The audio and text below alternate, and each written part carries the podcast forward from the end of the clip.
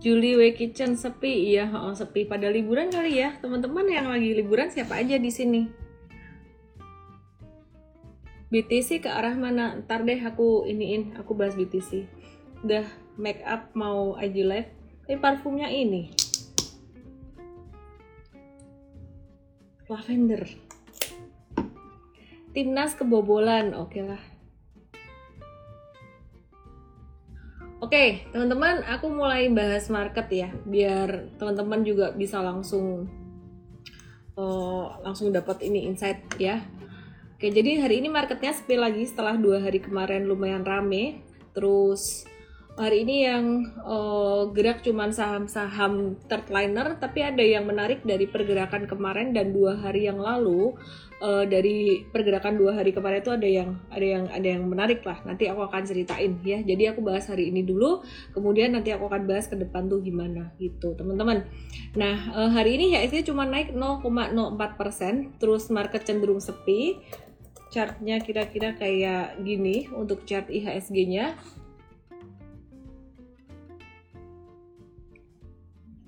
nih ya kena resisten di sini uh, rawan koreksi sih sebenarnya. Ini rawan koreksi. Jadi kalau koreksi bisa turun sampai ke 65 70-an gitu. Terus uh, saham-saham big cap hari ini lumayan sideways tapi perkiraan saya sih uh, bulan Januari nanti untuk saham-saham big cap perbankan kayak BRI dan kawan-kawan tuh bisa menguat lah ya. Jadi harapannya COVID-19 juga nggak sampai nggak sampai yang gimana gimana banget gitu harapannya seperti itu kayaknya di Indonesia udah mulai ada herd immunity dan hari ini saham yang aktif ada saham third liner seperti IELTS, MITI, Bima, FPNI. Tadi di Mtrade ada scalping saham IELTS. Terus kemudian saham grup MNC seperti MSky, IPTV, MSIN, Kapik tadi juga aktif. Tapi kita tadi kita nggak scalping di situ. Jadi kalau scalping tuh kayak sehari cuma satu aja paling banyak dua. Dan tadi kita udah scalping di IELTS um, dapat cu cuan lumayan sih single digit doang. Tapi yang penting aman. Scalping itu kita nggak bisa ngarep kayak jangan sampai uh, teman-teman ngarep kayak ngehold kelamaan cuan banyak gitu tapi terus nyangkut gitu. Jadi yang terpenting buat scalping tuh nomor satu cuan bungkus cuan bungkus gitu aja Terus kemudian tadi juga ada beberapa saham yang lumayan aktif dari tech related seperti kios buka di MMX dan juga dan juga UVCR di akhir seksi tadi uh, lumayan aktif. Terus di sini banyak juga yang nanyain uh, eh, CEO Bukalapak resign terus gimana? Ya, aku buka saham Bukalapak ya. CEO Bukalapak resign terus gimana? Hmm, sebenarnya terlepas dari resign atau nggak resignnya CEO Bukalapak sih sebenarnya itu nggak terlalu banyak mengubah fundamentalnya dan juga teknikalnya. Teknikalnya sekarang juga masih downtrend banget. Dan kalau teman-teman perhatiin di sini tadi ini kena di area support, support bekas uh, dia jatuh pada tanggal uh, berapa tadi ya? 7 Desember di sini, low-nya di sini dia tadi ada technical rebound dikit, volume transaksinya lumayan gede, tapi ini bukan berarti Bukalapak udah aman gitu ya. Jadi bukan berarti dia udah aman ya teman-teman, uh, be very careful aja gitu. Oke, okay, terus window dressing goodbye, ada yang nanya window dressing goodbye nggak? Ini perdagangan tinggal dua hari aja sih teman-teman ya, jadi kayaknya beberapa saham juga udah naik kemarin saham-saham komoditi. Banyak yang menunggu-nunggu window dressing pada keseluruhan keseluruhan saham secara general. Tapi sebenarnya yang naik tuh cuman beberapa sektor doang gitu. Jadi kemarin sektor komoditi uh, coal juga udah naik meskipun naiknya nggak sampai signifikan banget. Nah tadi aku ada uh, bilang untuk perdagangan selama dua hari kemarin yaitu kemarin dan kemarin lusa itu ada yang menarik apa? Sekali lagi aku ulang uh, bahwa beberapa sektor saham di beberapa sektor contohnya kayak di sektor pertambangan batu bara kemudian di poultry kemudian di pulp and paper itu kemarin dan juga dua hari yang lalu itu naik tuh dengan volume transaksi yang tinggi. Dan uh, tiga subsektor ini tiga subsektor tiga industri ini uh, naik dengan volume transaksi tinggi itu itu nggak boleh. Kita nggak bisa pandang dengan sebelah mata aja gitu karena volumenya sangat tinggi sekali. Meskipun hari ini agak-agak stagnan agak-agak uh, slow lagi tapi kita ngelihat bahwa uh, reboundnya tiga subsektor itu pada kemarin dan dua hari yang lalu itu menjadi satu awal dari masa akumulasi artinya recovery nggak uh, akan lama lagi gitu ya jadi nggak akan lama lagi hopefully di Januari nanti juga udah mulai recover gitu oke okay.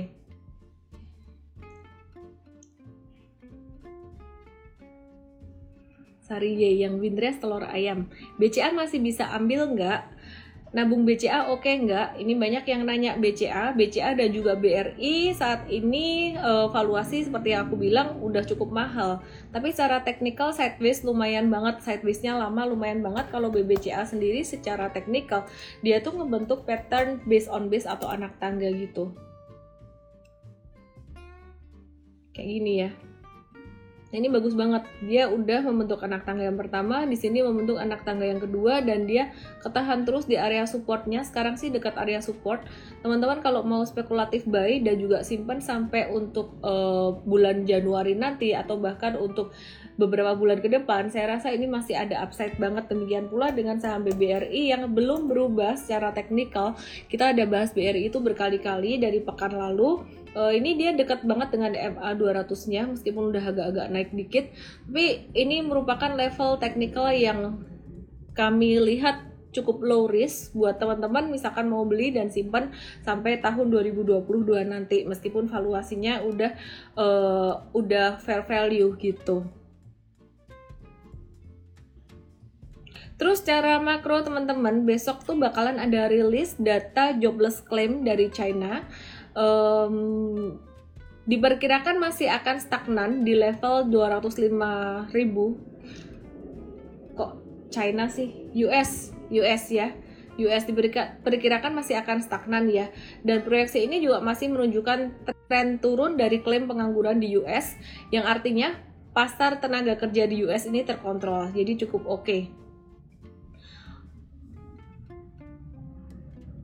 Oke, terus ini banyak yang nanya juga untuk Barli Samudra. Kalau BRI gimana? Uh, eh, BRI ya, dia mungkin gerakannya nggak bisa cepat, tapi untuk simpan sekitaran sampai kuartal 1 Januari deh, Januari sampai kuartal 1 2022 itu cukup oke okay, gitu. Um, ini ada yang bilang juga Dwi Gladys si Adaro udah ex date goodbye gimana? Oke, kita lihat ya Adaro gimana ya. Adaro sendiri sebenarnya terlepas dia dari dia bagi dividen atau enggak, secara teknikal tuh dia udah agak-agak ketinggian teman-teman. Jadi udah agak ketinggian dan udah mencapai target dari pola cup with handle-nya di sini. Adaro udah capai pola uh, cup handle-nya, targetnya di sini di 2260. Nah, terus kemudian selain itu uh, kemarin juga nih ya sekalian kita bahas saham-saham komoditas per pertambangan batu bara yang lainnya. Ini aku bilang tadi uh, dua hari yang lalu tuh naiknya signifikan volume transaksinya tinggi untuk batu bara. Dan hari ini koreksi normal aja. Saya rasa sih ITMG PTBA ini masih bisa jadi watchlist kita selama satu hingga dua pekan ke depan gitu. Jadi ini ada koreksi normal. Bahkan tadi PTBA sempat turun sampai level low di 2750. Ini bahkan uh, ini satu level yang bagus untuk tadi bisa entry sih gitu. Jadi buat uh, hold aja. Mungkin nggak bisa langsung cepat profit taking kayak sehari dua hari, tapi kita lihat dia bakalan bisa mengikuti jejaknya Adaro dan juga Harum ya. Jadi kalau teman-teman perhatikan sabar-sabar aja untuk sektor batu bara ini ya. Jadi yang pertama gerak tuh kan harum. Kalau teman-teman ngikutin IG live saya ya, Room tuh kan dulu kan dia downtrend di bawah ini, terus dia breakout, terus kemudian dia dia naik bentuknya cup it handle kayak gini. Nah yang ngikutin setelah Harum itu kan si Adaro. Adaro kan dia ngikutin patternnya kayak gitu, sama persis. Nah yang belum ngikutin kayak gini, ini siapa? Masih ada yang lain PTBA, ITMG dan kawan-kawan. Kalau teman-teman perhatikan, ini tuh baru setengah jalan gitu ya. Jadi kelihatan ya patternnya patternnya tadi ini baru setengah jalan. Dan dia berpotensi akan bisa recover. Ini PTBA terus kemudian ITMG ya ini ITMG juga sama baru breakout gitu. Uh, baru baru sorry bukan breakout dari sideways baru breakout dari downtrendnya. Dan uh, ini berpotensi untuk bisa ngikutin pattern dari Adaro dan juga Harum tadi gitu. Nah kalau Indi sendiri gimana? Indi juga bisa. Indi juga bisa. Indi Adaro PTBA uh, eh, mirip gitu. Cuman memang PTBA udah jalan lebih duluan dibandingkan. Jadi urutannya setelah Harum Adaro PTBA Indi eh sorry Harum Adaro PTBA ITMG Indi gitu. Nah ini Indi yang terakhir. Uh, dia malah turun ketika teman-temannya kemarin breakout dari sideways-nya. Cuman uh, hopefully dia bisa ngikut juga gitu banyak yang bilang 2021 nggak ada windrest sebenarnya udah terjadi windrest pada beberapa saham tertentu gitu nggak langsung semua saham bareng-barengan semua sektor gitu nggak tapi beberapa saham udah mengalami windrest kayak kemarin uh, coal itu udah naik dan juga pulp and paper juga kayak gitu. Terus UNTR gimana? Nih ada yang nanya UNTR dan juga duit yang masih terkait dengan sektor pertambangan batubara juga. Uh, ya ini sama. Ini sama kayak ITMG kemarin patternnya. Ya dia ada potensi untuk recovery. Terus selain UNTR ada DOIT. DOIT juga sama. DOIT tuh gerakannya mirip banget sama Indi ya. Jadi kalau dilihat dari chart malah ini yang paling ketinggalan dua. Jadi Doit dan Indi itu biasa kalau gerak paling cepat, paling cepat naiknya dan juga paling cepat turunnya gitu. Jadi urutannya tadi Harum Adaro dua tuh udah agak-agak ketinggian PTBA masih setengah jalan ITMG baru di awal jalan kemudian yang masih agak lagging tuh uh, Indi dan juga uh, Doit gitu kalau UNTR tadi kayak kayak ITMG statusnya kira-kira kayak gitu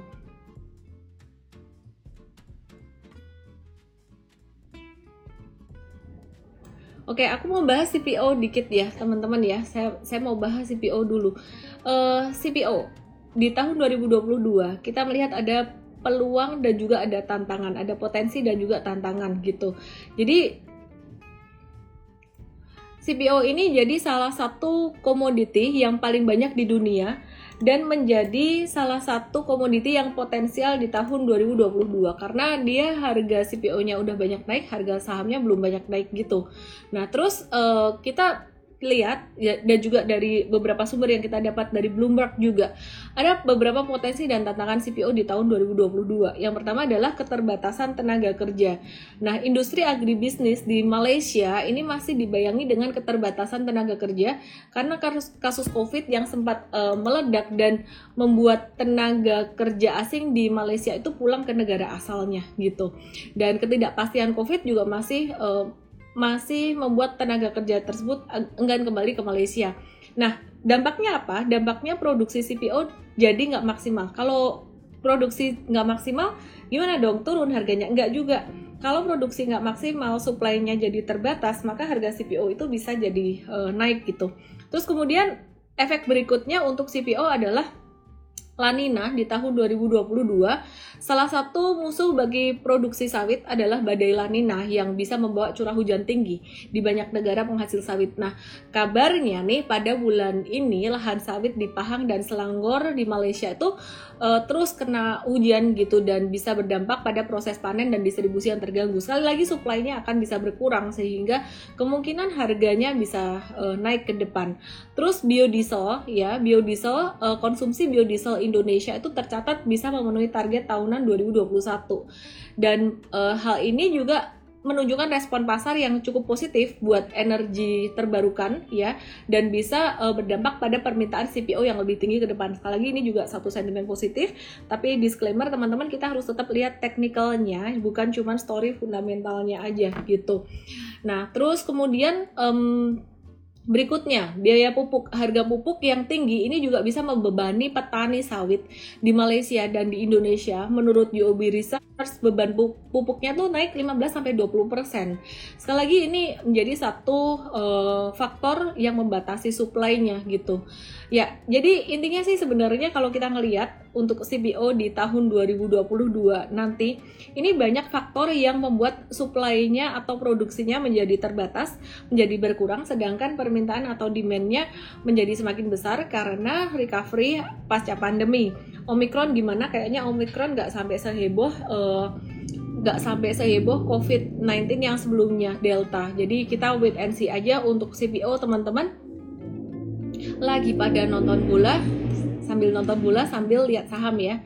Gak lama kok tenang aja, silahkan nonton bola nanti. Aku mau update dikit tentang saham CPO sebelum dia lari, sebelum dia uh, ngacir. Kita mungkin perlu wait and see, perlu watch dulu gitu. Kenapa? Karena kita ngelihat uh, batu bara udah jalan. Biasa kalau batu bara udah jalan, meskipun gak ada hubungannya secara langsung, ini kadang-kadang uh, saham komoditas yang lain juga bisa gerak gitu dan kita lihat saat ini untuk saham CPO sendiri ini contohnya Ali dia tuh udah turun banget udah koreksi banget sampai ke level harga di sekitaran September. Nah, logikanya aja sih yang gampang banget uh, untuk kita pakai, untuk kita pahami adalah uh, market itu naik di bulan Oktober kemarin dan ketika market naik di bulan Oktober, logikanya mereka tuh kan beli di bulan September ya. Big Fund beli di bulan September dan harga saat ini tuh udah kayak harga di bulan September kemarin. Kesimpulannya, kesimpulannya kemungkinan besar Big Fund atau investor-investor besar itu mereka gak akan jual-jualan lagi karena apa? Karena udah BEP. Mereka nggak mau dong jualan rugi ya. Kemungkinan udah udah udah profit taking, udah udah BEP, udah cuan ya udah. Uh, bahkan ada kemungkinan akan buyback lagi gitu. Jadi kita perlu watch untuk sektor ini. Oke. Okay. Nah, selain Ali ada apa lagi? Let me check.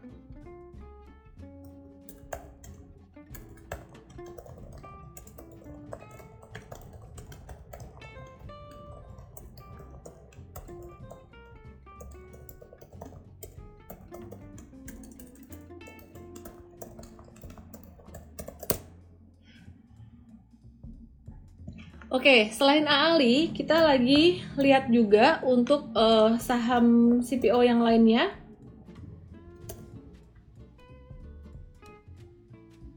LSIP udah turun banyak juga dan kalau teman-teman perhatikan di sini LSIP-nya udah ngebentuk double bottom gitu, ya. Jadi ini LSIP-nya ngebentuk double bottom gitu. Terus jadi uh, wait and see dulu aja teman-teman. Terus tadi ada saham sorry ya. Lola ini chartku internetnya yang Lola sih bukan chartnya SIMP, SIMP tadi naiknya lumayan tinggi, cuman kalau SIMP ini cocok buat trading jangka pendek aja karena fluktuasinya besar, jadi ekor-ekornya banyak gitu. Um,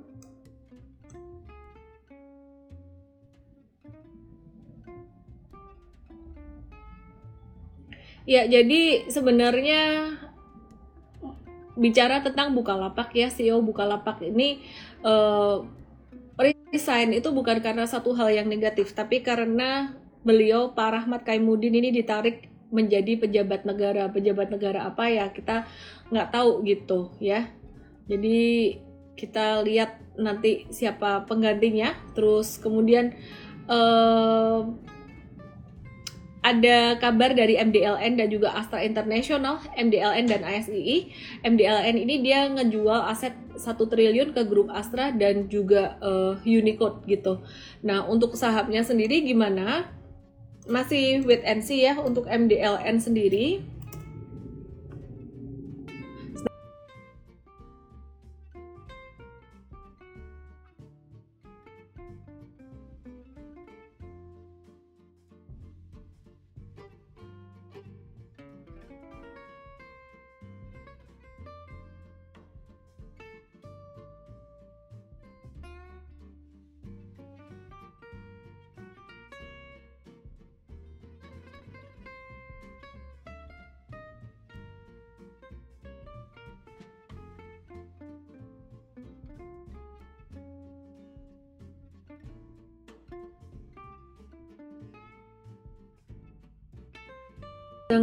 Ngelek kok ngelek sih? Masih ngelek ih masih ngelek ya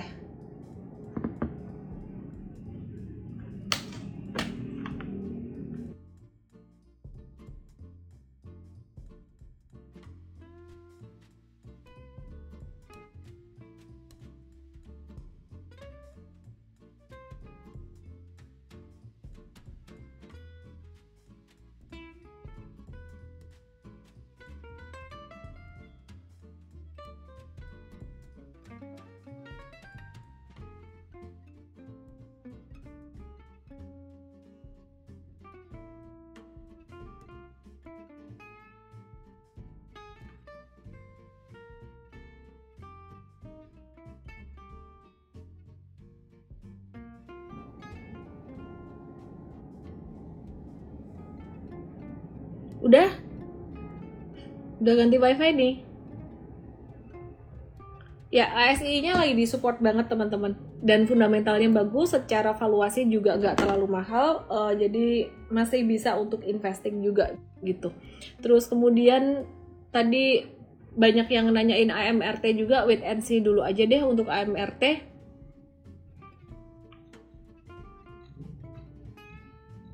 Oh ya teman-teman, buat Excel ya, XCL ya, XCL ini kapan hari kita bahas dia berpotensi. Saya bilang berpotensi, belum membentuk uh, pattern ini. Dia berpotensi untuk membentuk pattern cup with handle dan hari ini dia mengalami pantulan. Uh, jadi harusnya tadi sih kalau teman-teman ngeliatin ini, ini harusnya bisa beli. Dan ini udah dibahas beberapa hari kemarin juga. Jadi mestinya teman-teman kalau ada yang wait and see untuk saham ini, ini uh, tadi harusnya beli gitu. M-Trade sih udah beli tadi teman-teman ya. Jadi oke okay lah uh, jangka pendek Excel bisa sampai 3230 kalau misalkan dia breakout dari 3230 next targetnya atau next resistennya untuk Excel ini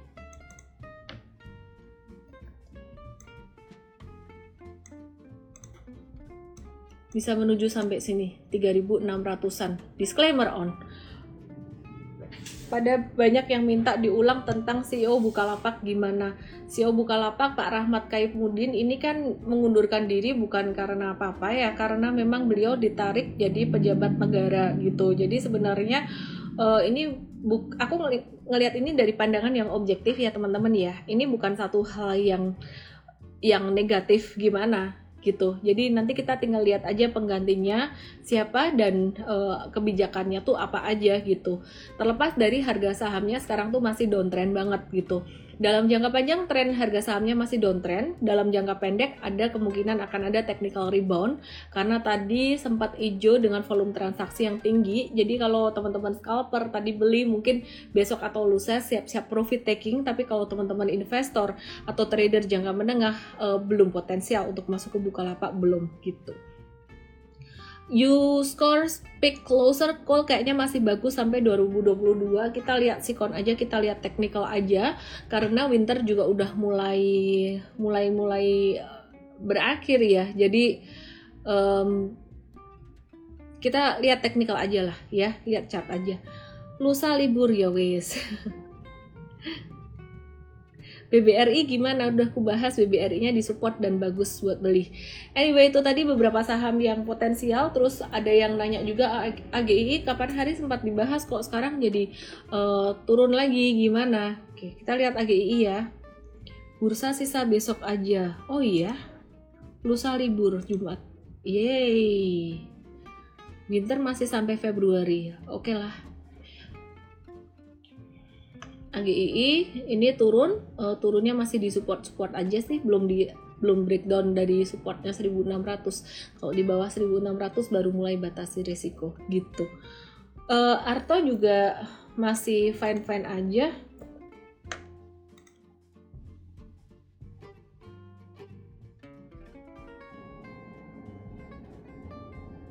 Bentar ya. Masih sideways sideways aja sih teman-teman Oke, ini malam hari ini kayaknya banyak yang nonton nonton bola dan udah ini ini kayaknya ini Jinhai 552004 takut terlewat info takut terlewat info tapi gemes juga gitu ya. Jadi mau nonton Instagram live tapi mungkin mau nonton bola juga gitu. Jadi diingetin 8.30 udah waktunya bubar. Oke lah teman-teman karena ini di akhir tahun marketnya juga agak-agak sepi uh, itu aja info dari saya. Semoga bermanfaat dan tips trading, psikologi trading, tips trading buat teman-teman semua. Ketika teman-teman trading ataupun teman-teman investing, kerja atau apa pun, nomor satu yang paling penting adalah relax relax teman-teman. Jadi nggak usah terlalu dipaksakan ya. Jadi akhir tahun mungkin waktunya untuk break sejenak waktunya untuk kita santai dan juga menikmati apa yang udah kita capai dalam setahun ini. Thank you semuanya. Salam profit. Jangan lupa download Mtrade dan join as VIP user Mtrade karena hmm, kado spesial buatmu. Berarti sisa tinggal dua hari lagi aja untuk uh, new usernya gitu ya. Langsung aja klik link di bio saya atau ke mtrade.id bye bye